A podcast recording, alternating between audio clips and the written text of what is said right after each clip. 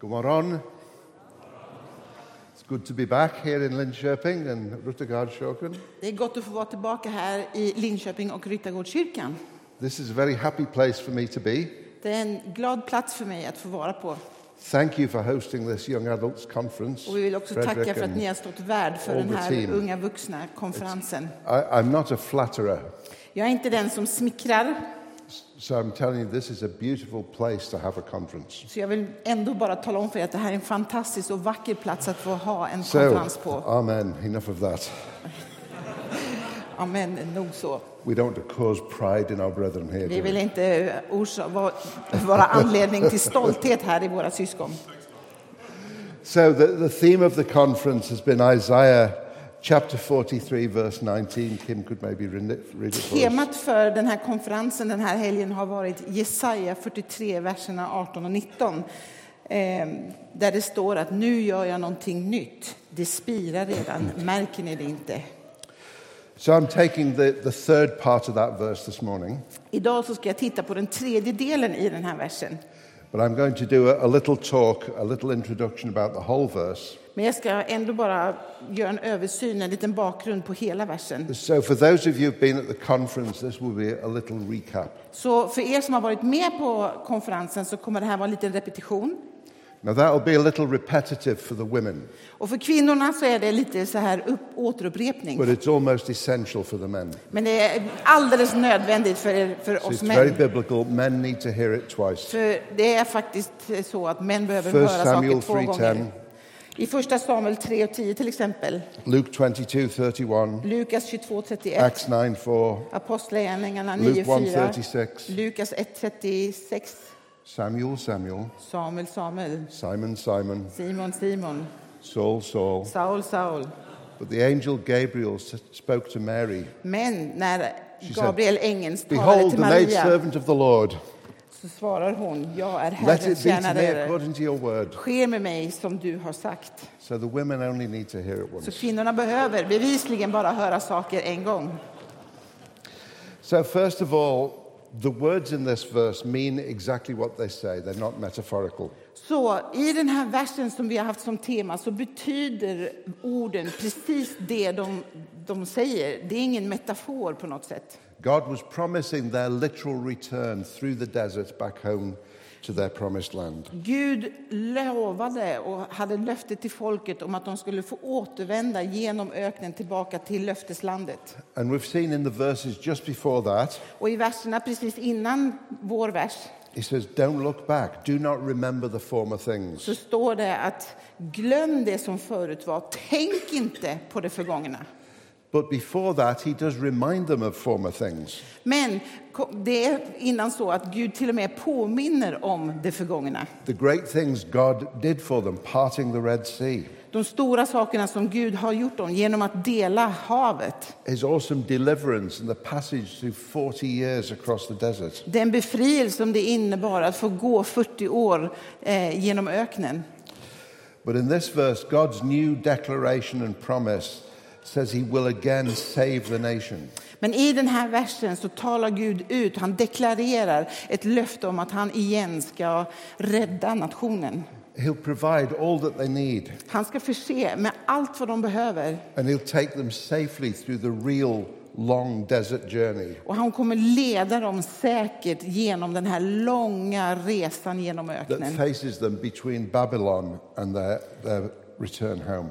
eh, som leder dem genom eh, Babylon och deras återvändande hem igen.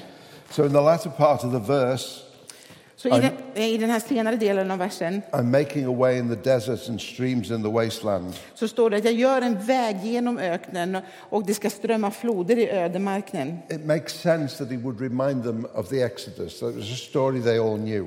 Så är det fullkomligt logiskt att det här påminner dem om uttåget ur Egypten. They had real desert to cross. De hade verkligen en öken att, Their att gå survival över. needs were endurance to make the journey, det de behövde för att klara av den här resan var uthållighet, provision on the journey, as evidenced by streams in the desert. eh, att bli försedda med, med allt vad de behövde, eh, som om de här strömmarna genom öknen, And protection on the journey. He said, The wild beasts honor me. eh, och beskydd på resan. Eh, det står att även de eh, vilda eh, djuren ska hedra mig. So, amazingly, in this short verse, the fundamental characteristics of God are all laid out for us. Och vi kan läsa i de här korta verserna hur Guds hela karaktärsdrag finns där. So, we have a God who speaks to his people and strengthens them. Att vi tillhör en Gud som talar till sitt folk men som också styrker och stärker dem. He's promised to provide all we need in life Och att han har lovat att förse med det vi behöver genom livet. and to protect us from evil, from, from harm. Och att beskydda oss från allt ont och från, från eh, skador. So, this verse encompasses promises such as in Jeremiah 29:11. Och man kan säga att den här versen också innehåller de löftena som finns till oss i Jeremia 29.11. For I know the plans I have for you, declares the Lord. Jag vet väl vilka tankar jag har för er, säger Herren. Plans to prosper you and not harm you. Nämligen fridens tankar och inte ofärdens. Plans to give you hope and a future. För att ge er en framtid och ett hopp. You have to understand that the words God caused to be written down in the Bible Eh, och det vi behöver förstå att de ord som Gud har liksom or, är orsak till att de finns skrivna, i- nedtecknade i Bibeln, they're for all his people for all time. så är det för allt Guds folk genom alla tider. So our verse has prophesied their deliverance from Babylon, Så vår vers har profeterat eh, befrielse från Babylon. but as in many Old Testament prophecies, it also contains a promise to be full, fulfilled later in the Messiah. Och precis som på, av många gamla testamentliga profetier så finns det ett löfte som fullföljs i och med Nya testamentet. So, as well as a literal meaning to the nation of Israel, Så precis som att det fanns en, en faktisk och en eh, eh, bokstavlig betydelse för folket och nationen då for us, this is an Old Testament shadow of that which was to come. så är det här på något sätt en gammaltestamentlig skugga över den tid som också kommer.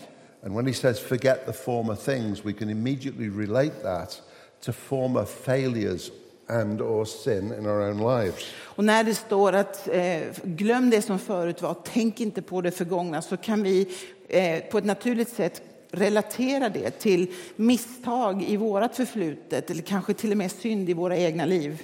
So he tells us to forget the former things, Så han talar om för oss att glöm det som förut var.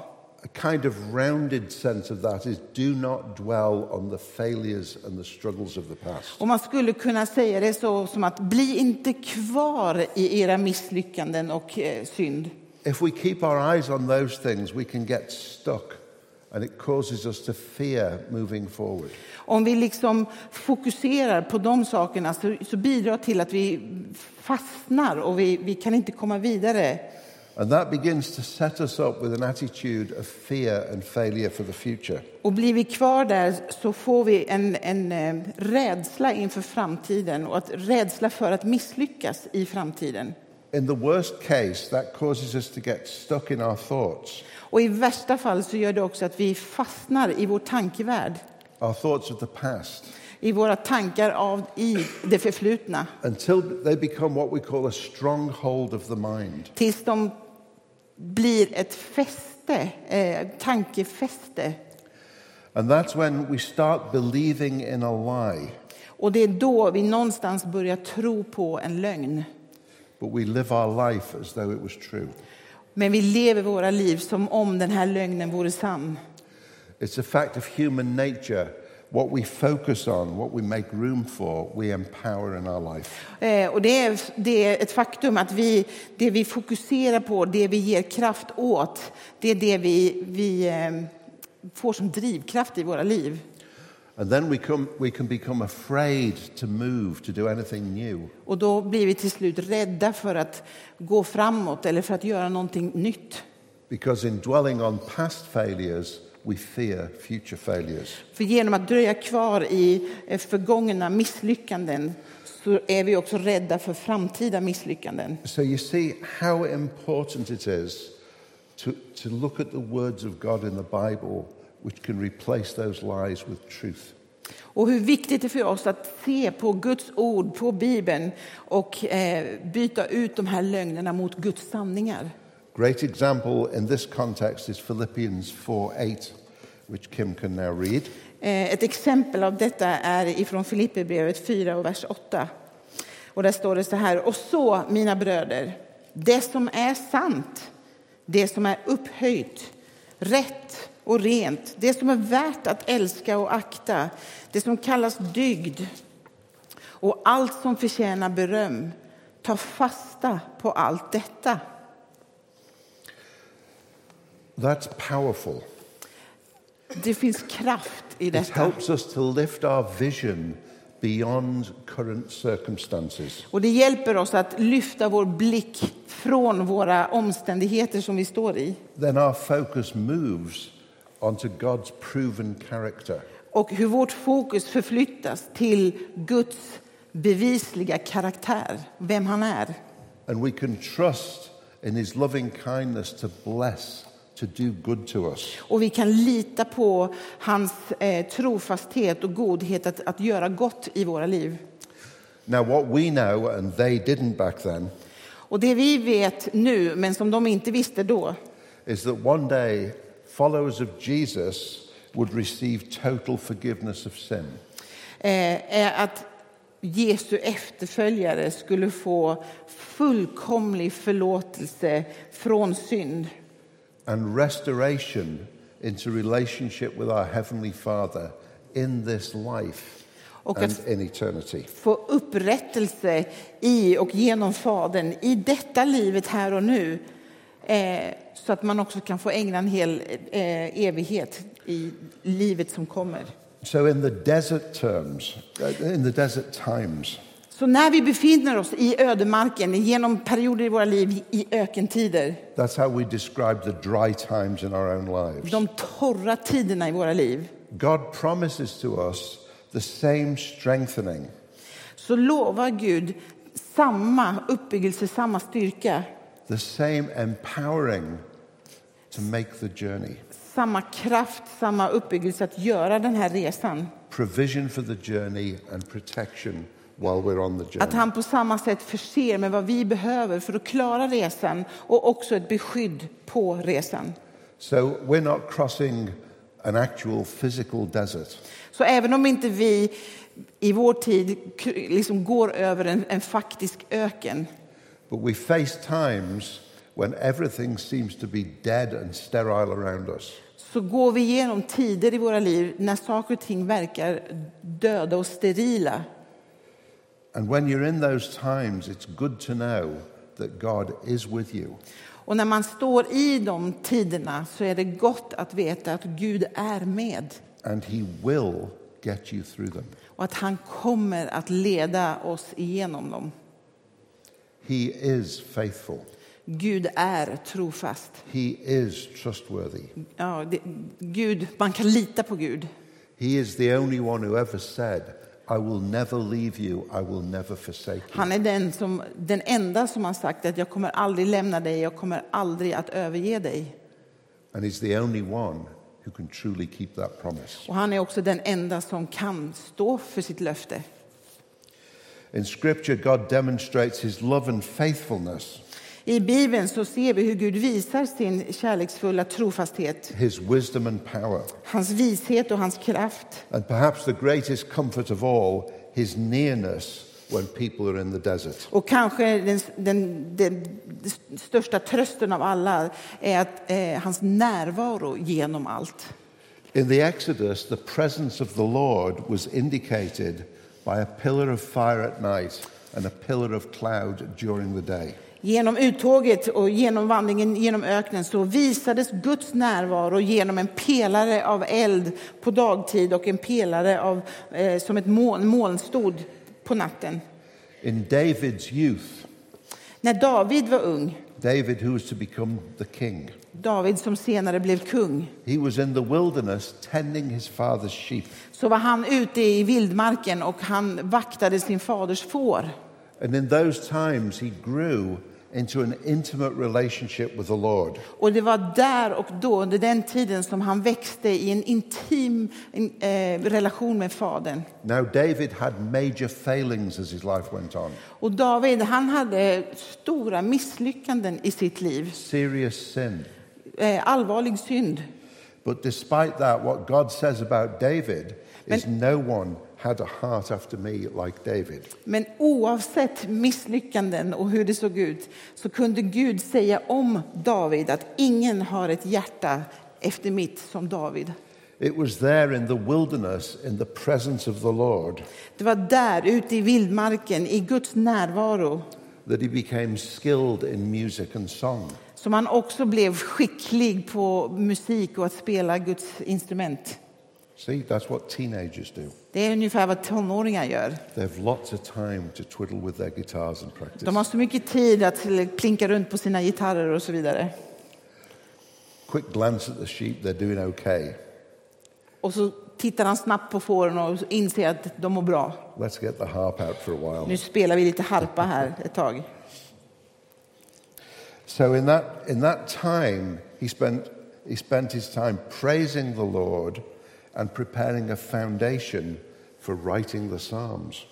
Och där så, han ägnade tid åt att tillbe och prisa Gud och blev förberedd sen för att kunna skriva alla de salverna som han skrev senare.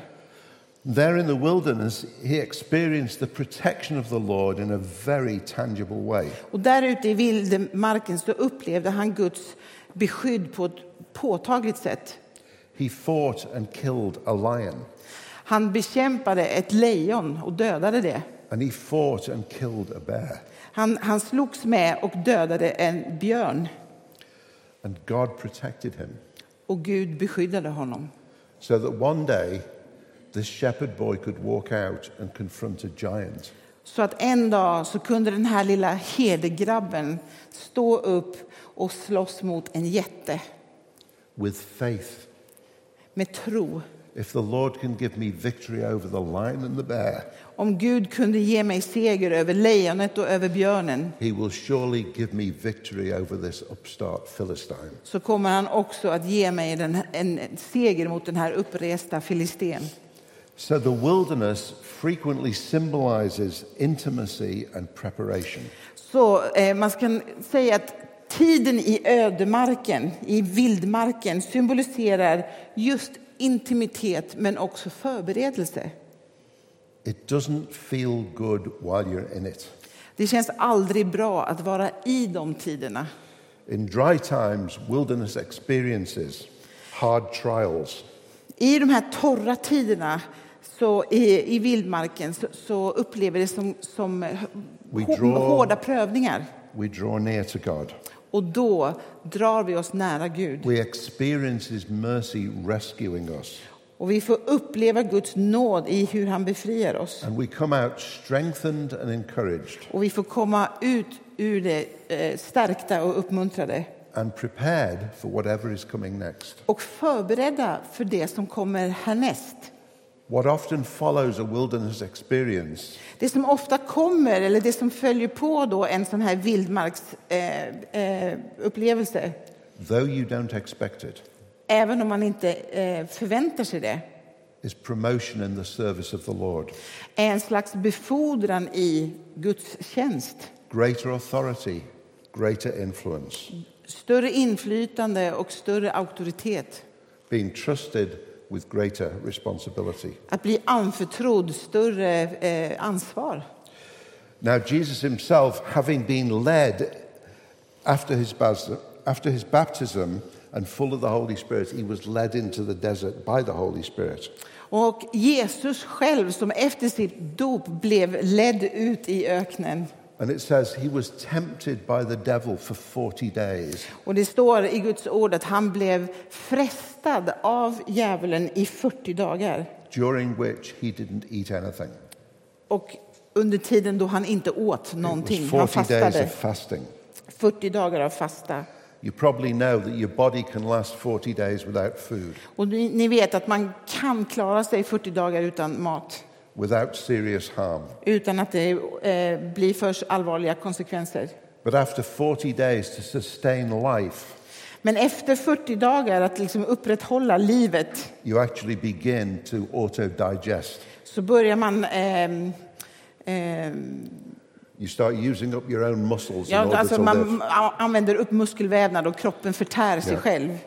So it says, after 40 days of fasting, Jesus was hungry.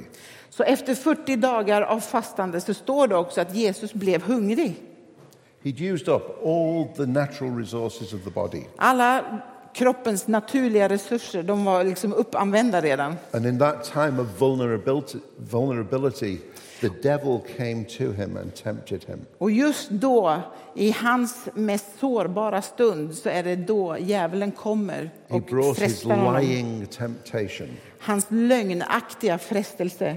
If you are the Son of God, Om du är Guds son you can turn these stones into bread. så kan du förvandla de här stenarna in till bröd. First point, in truth, there's no if.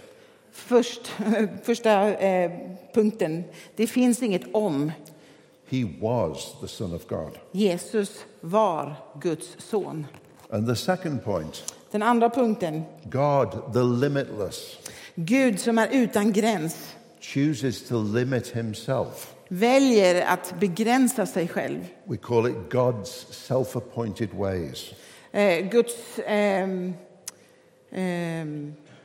eh, självutnämnda vägar. This is demonstrated in the feeding of the 5,000. Och det här visas också i när de 5000 får i matundret, bespisningsundret. Jesus didn't turn stones into bread.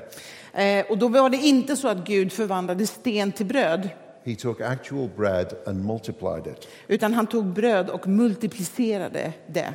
That's a definition of God's self appointed ways. Och det är liksom en definition av Guds vägar. Is there a wee drop of water for? Finns det ett me? lite vatten?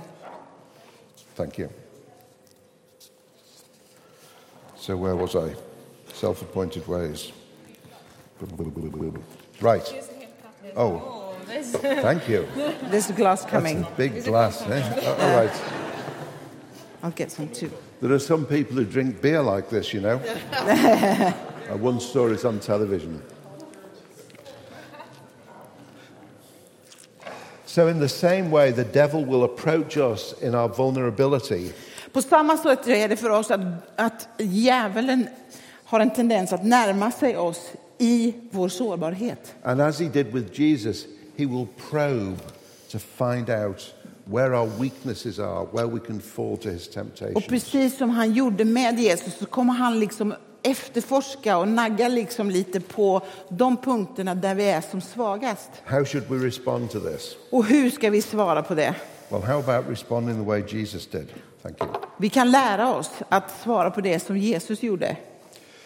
Jesus fought the lies of Satan with the truth of the word of God. Jesus bekämpade Satans lögner med Guds sanningar. It's not hard to find weapons. Det är inte så svårt att hitta vapen. We have a handbook Vi har en handbok for warfare, för det här kriget, among other things. bland andra saker. So, for instance, James 4 7 I eh, eh, Jakob 4 och 7 Submit to God, resist the devil, and he will flee from you. Underordna dig er Gud, motstå djävulen och han kommer att fly från dig. Matthew 26 41. Matteus 26, 41. Watch and pray lest you enter into temptation. Vaka och be så att du inte eh, kommer, jag översätter fritt här nu, eh, kommer in i frestelsen. The spirit indeed is willing, but the flesh is weak. Anden är villigt men köttet är svagt. And here's a good one for us 1 Corinthians 10 13. Och här är ett bra, gott ord för oss. Första Korinthierbrevet 10, You could read 13. that one if you like. Ingen frestelse har tagit makten. Ehm, ja, jag läser från... Förlåt att jag blir snurrig i huvudet när jag har blandar språk här.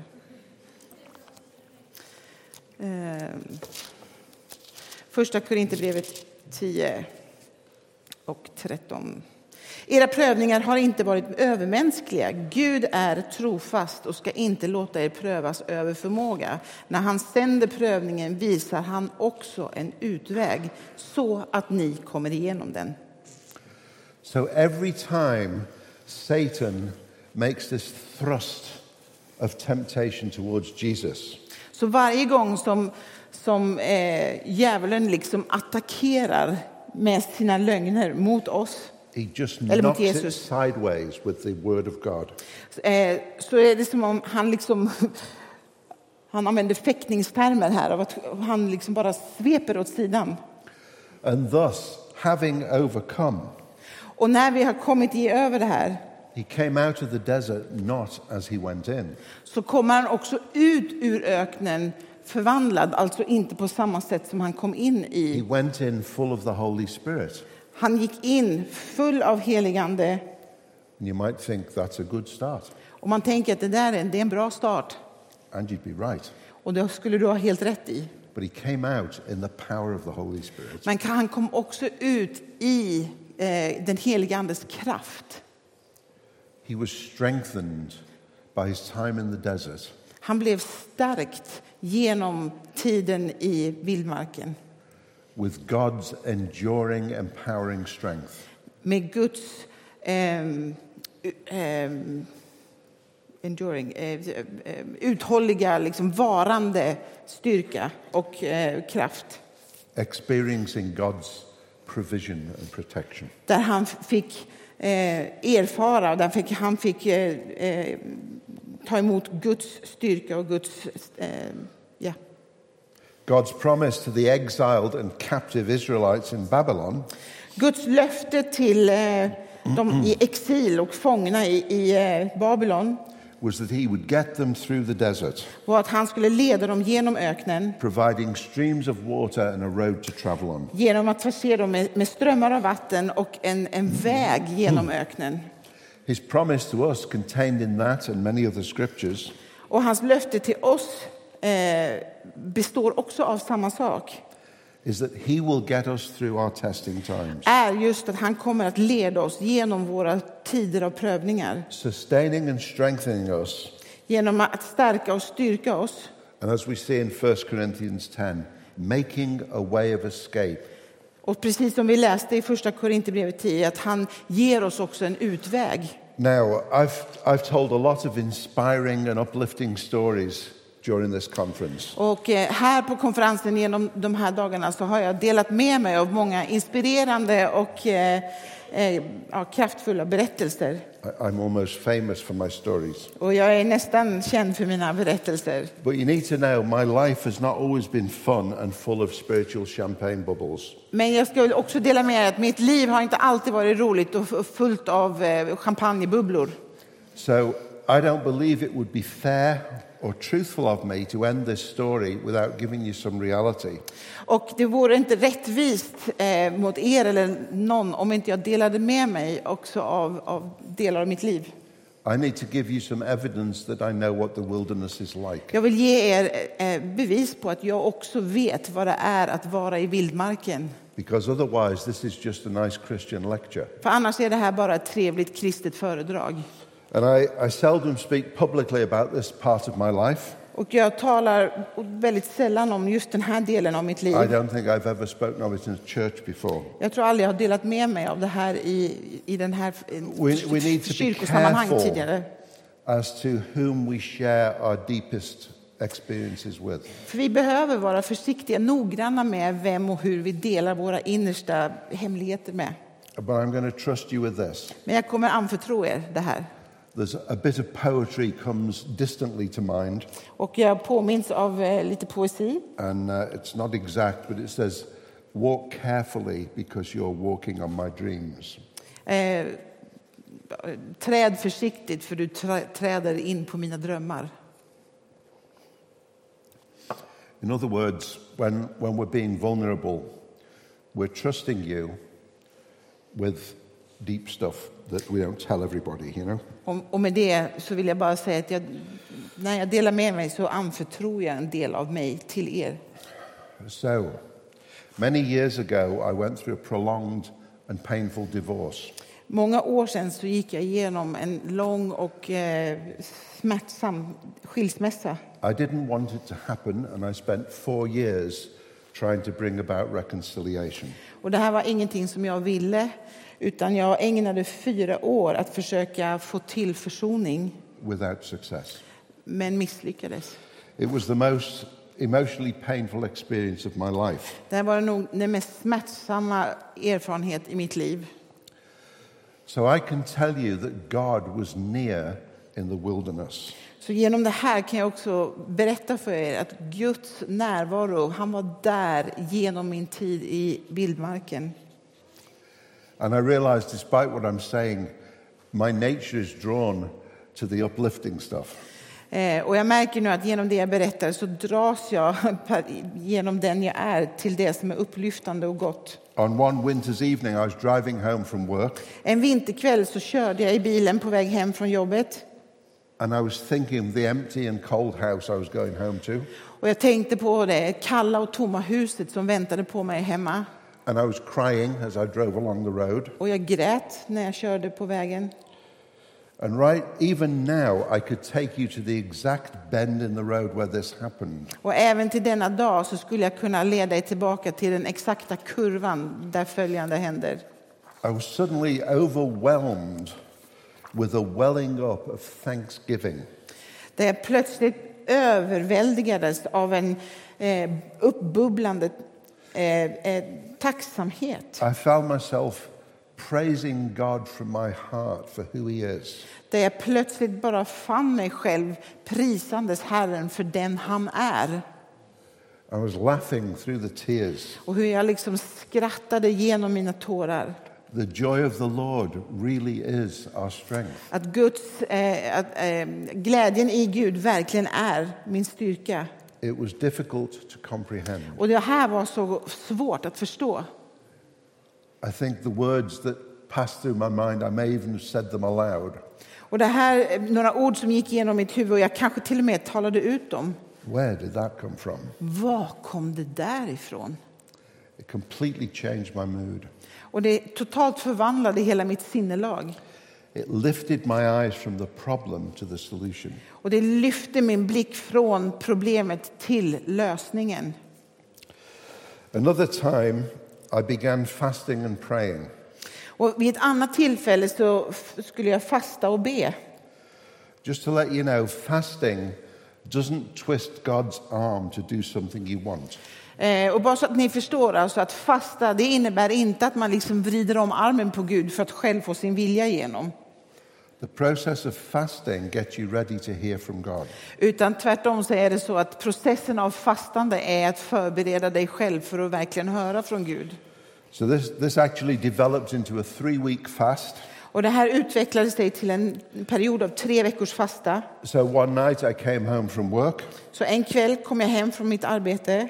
Good thing about fasting, you don't have to worry about cooking and washing up. Och det som är bra med fasta att man behöver inte bekymra sig över vad ska man äta eller disken som blir So sen. I went and knelt down by, by the side of my bed. Så jag eh, gick och knäböjde vid min säng. At that point, I think I'd prayed everything there was to pray. Och då tror jag att jag liksom bad allt som jag bara kunde komma på att be.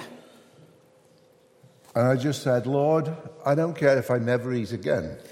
Och jag sa till Gud att vet du Gud, jag bryr mig inte om om jag någonsin behöver äta igen.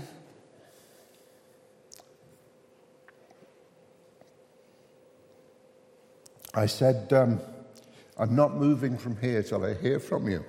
Och jag sa till Gud, jag går inte härifrån förrän jag hör från dig. And I went to sleep on my knees at the side of the bed. Och så föll jag i sömn på knä vid sidan av min säng. And I think probably between one and two hours. Förmodligen en till två timmar senare. And I heard someone calling my name and it woke me up. Så hörde jag någon som ropade mitt namn och det väckte mig. And while I was thinking, who could that be? Och så samtidigt som jag tänkte, men vem är det? Wide awake, Klarvaken. I heard someone calling my name again. Så hör jag någon som ropar mitt namn igen. Rick. Rick. And it was the audible voice of God. Och det var en, en hörbar röst från Gud. It's the only time I've ever heard his voice audibly. Och det är den enda gången som jag har hört en hörbar röst från honom. I wasn't imagining it. Och det var inte någonting jag, jag föreställde mig. It was God calling my name Det var Gud som ropade mitt namn twice. två gånger. Because men need to hear twice. För att vi män behöver höra två gånger. I have two friends who, in their hour of greatest need, in anguish, they both heard the Lord call their name twice. Och jag har även två vänner som i en, te- en period i deras liv, i deras djupaste eh, behov, eh, har upplevt samma sak, att man har hört Gud ropa deras namn två And the gånger. effect for them was the same. Och deras eh, gensvar blev detsamma. It changed everything. Det förändrade allt. If God is with us, Om Gud är med oss and we have evidence of God being with us because he speaks to us audibly, och vi har beviset genom att han talar till oss, ibland hörbart, then the rest of the verse also comes into play. så kommer liksom resten av versen att liksom följa på rent naturligt. If God is with us, who can be against us? Om Gud är med oss, vem kan då vara emot oss? Nobody and nothing. Ingen och ingenting. So, the elders of my church during that time told me, Rick, you need to let go of this, it's killing you. Eh, äldstebröderna i min församling de sa till mig, Rick, du måste släppa det här nu, det, det äter upp dig. And these were good people who cared for me. Och de var goda människor som verkligen brydde sig om mig. And what I said to them was, I know that if I was you talking to me, I would say to you what you're saying to me. Och jag kunde säga till dem att jag förstår att om jag hade varit er så hade jag sagt exakt samma sak till mig. But I told them, you see, the problem is I follow a God who says I hate divorce.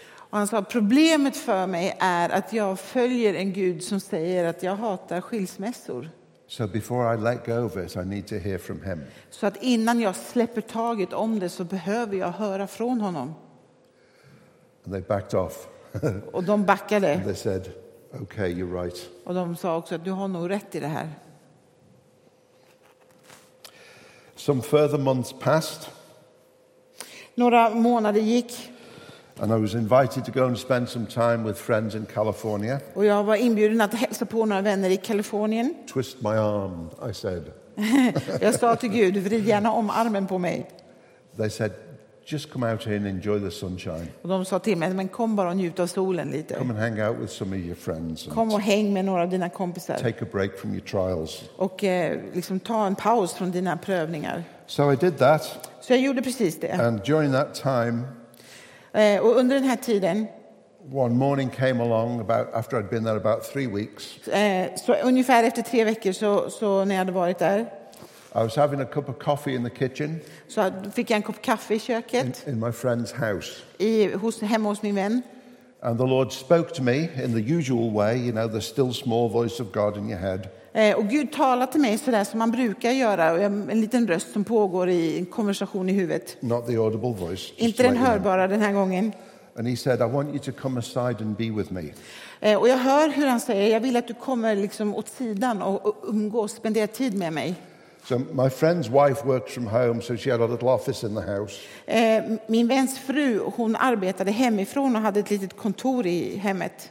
So I said, Ellen, if anyone calls, just tell them I'm busy, I'll call back. Eh, så att jag kunde säga till dem att om, om någon ringer eller söker mig så säg till att jag är upptagen just nu, att jag kan ringa sen. I'm going to spend some time with the Lord. Jag kommer att eh, umgås med Gud lite grann. We British are famous for our understatements. Och vi eh, britter är kända för våra underdrifter. I went into my bedroom, knelt down beside the bed, Så jag gick in i mitt sovrum och knäböjde med min säng. and I said, Here I am, Lord. Och jag sa bara, Gud, jag är här. And there then ensued a conversation Och sen eh, påbörjade ett, ett samtal, en dialog, in which I didn't say very much. där jag inte sa särskilt mycket alls. And it was like, if you can imagine, a good, a good father talking to his grown up son. Och det var ungefär, om ni kan föreställa er, en god far som talar till sin eh, vuxne son. And he said to me, Rick, you need to face the fact that you're giving up hope of reconciliation. Och eh, jag hör hur eh, min far säger till mig att Rick, du behöver erkänna att du ger upp tanken på eh, försoning. And I said, You're right, Lord. Och jag sa, Gud, du har helt rätt. And he said, And there's no condemnation in that. Och så sa han, och det finns ingen fördömelse i det. It felt like a two ton weight just lifted off me. Och det kändes som två ton av tyngder lyftes av mig. And I began shaking and weeping. Och jag började skaka och jag grät. I use that term precisely because I wasn't sobbing, it wasn't that kind of crying. Och jag använde precis de orden att jag skakade och grät för det var, det var inte den här hulkande gråten. It, you see this in ministry times sometimes. It's like the tear ducts open and it just gently flows. Det är ungefär som liksom dammluckorna öppnar och tårarna bara strömmar. And uh, this is not the time to tell you the whole story, Och det är inte läge att berätta hela storyn för er nu. but it's like I entered in to a, a technicolor vision. It was like a video rolling in high definition. Men det var som att jag fick kliva in i en, en liksom videospelning. Eh, And during that time, God showed me my life journey. och i, där och då så visade Gud mig hela mitt livs resa and my purpose for being on the earth. och mitt syfte att finnas till här på jorden. And this was taking place with me standing in the door of the throne room looking into God's throne. Och det, det, eh, det, det här utspelar sig när jag samtidigt står inför Guds tron i, i tronsalen, när jag ser in på Guds tron. Blinding white light in the center of it. I ett bländande vitt ljus i mitten. And actually, in an instant of time, Och eh, vid ett precis ögonblick I knew several things. så bara visste jag ett antal saker. I think I knew and understood to the depths of my being for the first time Och jag tror att jag visste och förstod i djupet av hela min varelse för första gången that if Jesus, Jesus hadn't given his life for me, I couldn't see that and live. Eh, om Jesus inte hade dött och uppstått för mig så skulle inte jag ens kunna se det här och fortfarande vara vid liv. I also had an understanding that my trials had prepared me to be there. Jag förstod också då att de prövningarna jag hade gått igenom hade förberett mig just för att möta Gud här och nu. And that one day he would invite me further in. Och att en dag skulle han bjuda in mig ännu längre in. I was shaking and weeping Och jag skakade och jag grät in varying degrees, på olika nivåer. generally quite gently, Eh, för det mesta ganska stillsamt for the following two days. i loppet av två dagar. Now, I'm not going to say this next thing defensively, Och jag kommer inte säga nästa, eh, nästa ord här i försvar, just as a pertinent fact. men bara som en fakta. I did not cause that divorce, Jag har inte orsakat den här skilsmässan. but I came out of the desert refined by fire. Men jag kom ut ur vildmarken eh, åt, eh, omdefinierad av Guds eld. A better man than I was when I went into the desert. Och jag kom ut en bättre man än när jag gick in i vildmarken. And the prize was an intimacy with God to a degree I could never have imagined. Och priset var en intimitet med Gud så mycket större än vad jag hade kunnat ana. So much so, even at that time, Till den milda grad att även där och då I wouldn't turn the clock back even if that was possible. så hade jag inte vänt tillbaka tiden även om det var möjligt. 29 hours later, I met Cynthia. 29 timmar senare så träffade jag Cynthia. Just to give the story a little upturn at the Bara för att få den här lilla hoppfulla ingrediensen i berättelsen. And that's another story. Och det är en helt annan berättelse. So I think uh, I would just like to pray now briefly. Jag skulle vilja be nu. What we're going to do Och det vi kommer göra is to invite the prayer ministry team to come out to the front. är att inbjuda eh, förebedjarna att komma fram. And if there's anyone present who identifies with the principles of that story, om det finns någon här idag som identifierar med liksom principerna i den här and berättelsen. if you feel you would like some sustaining comfort from God, Om du vill ha någon eh, tröst, liksom en, en hållbar tröst från Gud concerning a wilderness time you've been in or are in, eh, som berör den vildmark eller den prövande tiden som du har eller befinner dig i. then we have some people of integrity Och sen har vi människor med integritet who've been trained to pray for you. som är tränade att be tillsammans och för dig. And what I'm going to say to the prayer ministry team, if you listen up now, prayer ministry Och ni team, som är förebedjare, lyssna nu. if people come forward for this particular thing, Om människor kommer eh, med, med detta som ärende till förbönsplatsen invite the idag, Holy Spirit to come and bless them. inbjud den helige Ande att komma och välsigna. Let your words be few and carefully chosen. Låt dina ord vara få, men noga, noggranna. Ask the Father to show you what He's doing.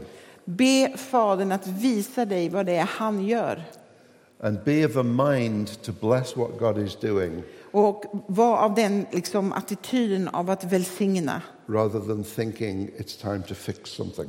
Hellre än att tänka att nu ska vi ordna till saker. We will, of course, be willing to pray for anybody for any needs. Och självklart är det så att förbönsplatsen är öppen för vem som helst med vilket behov som helst. So let's pray. Så låt oss be.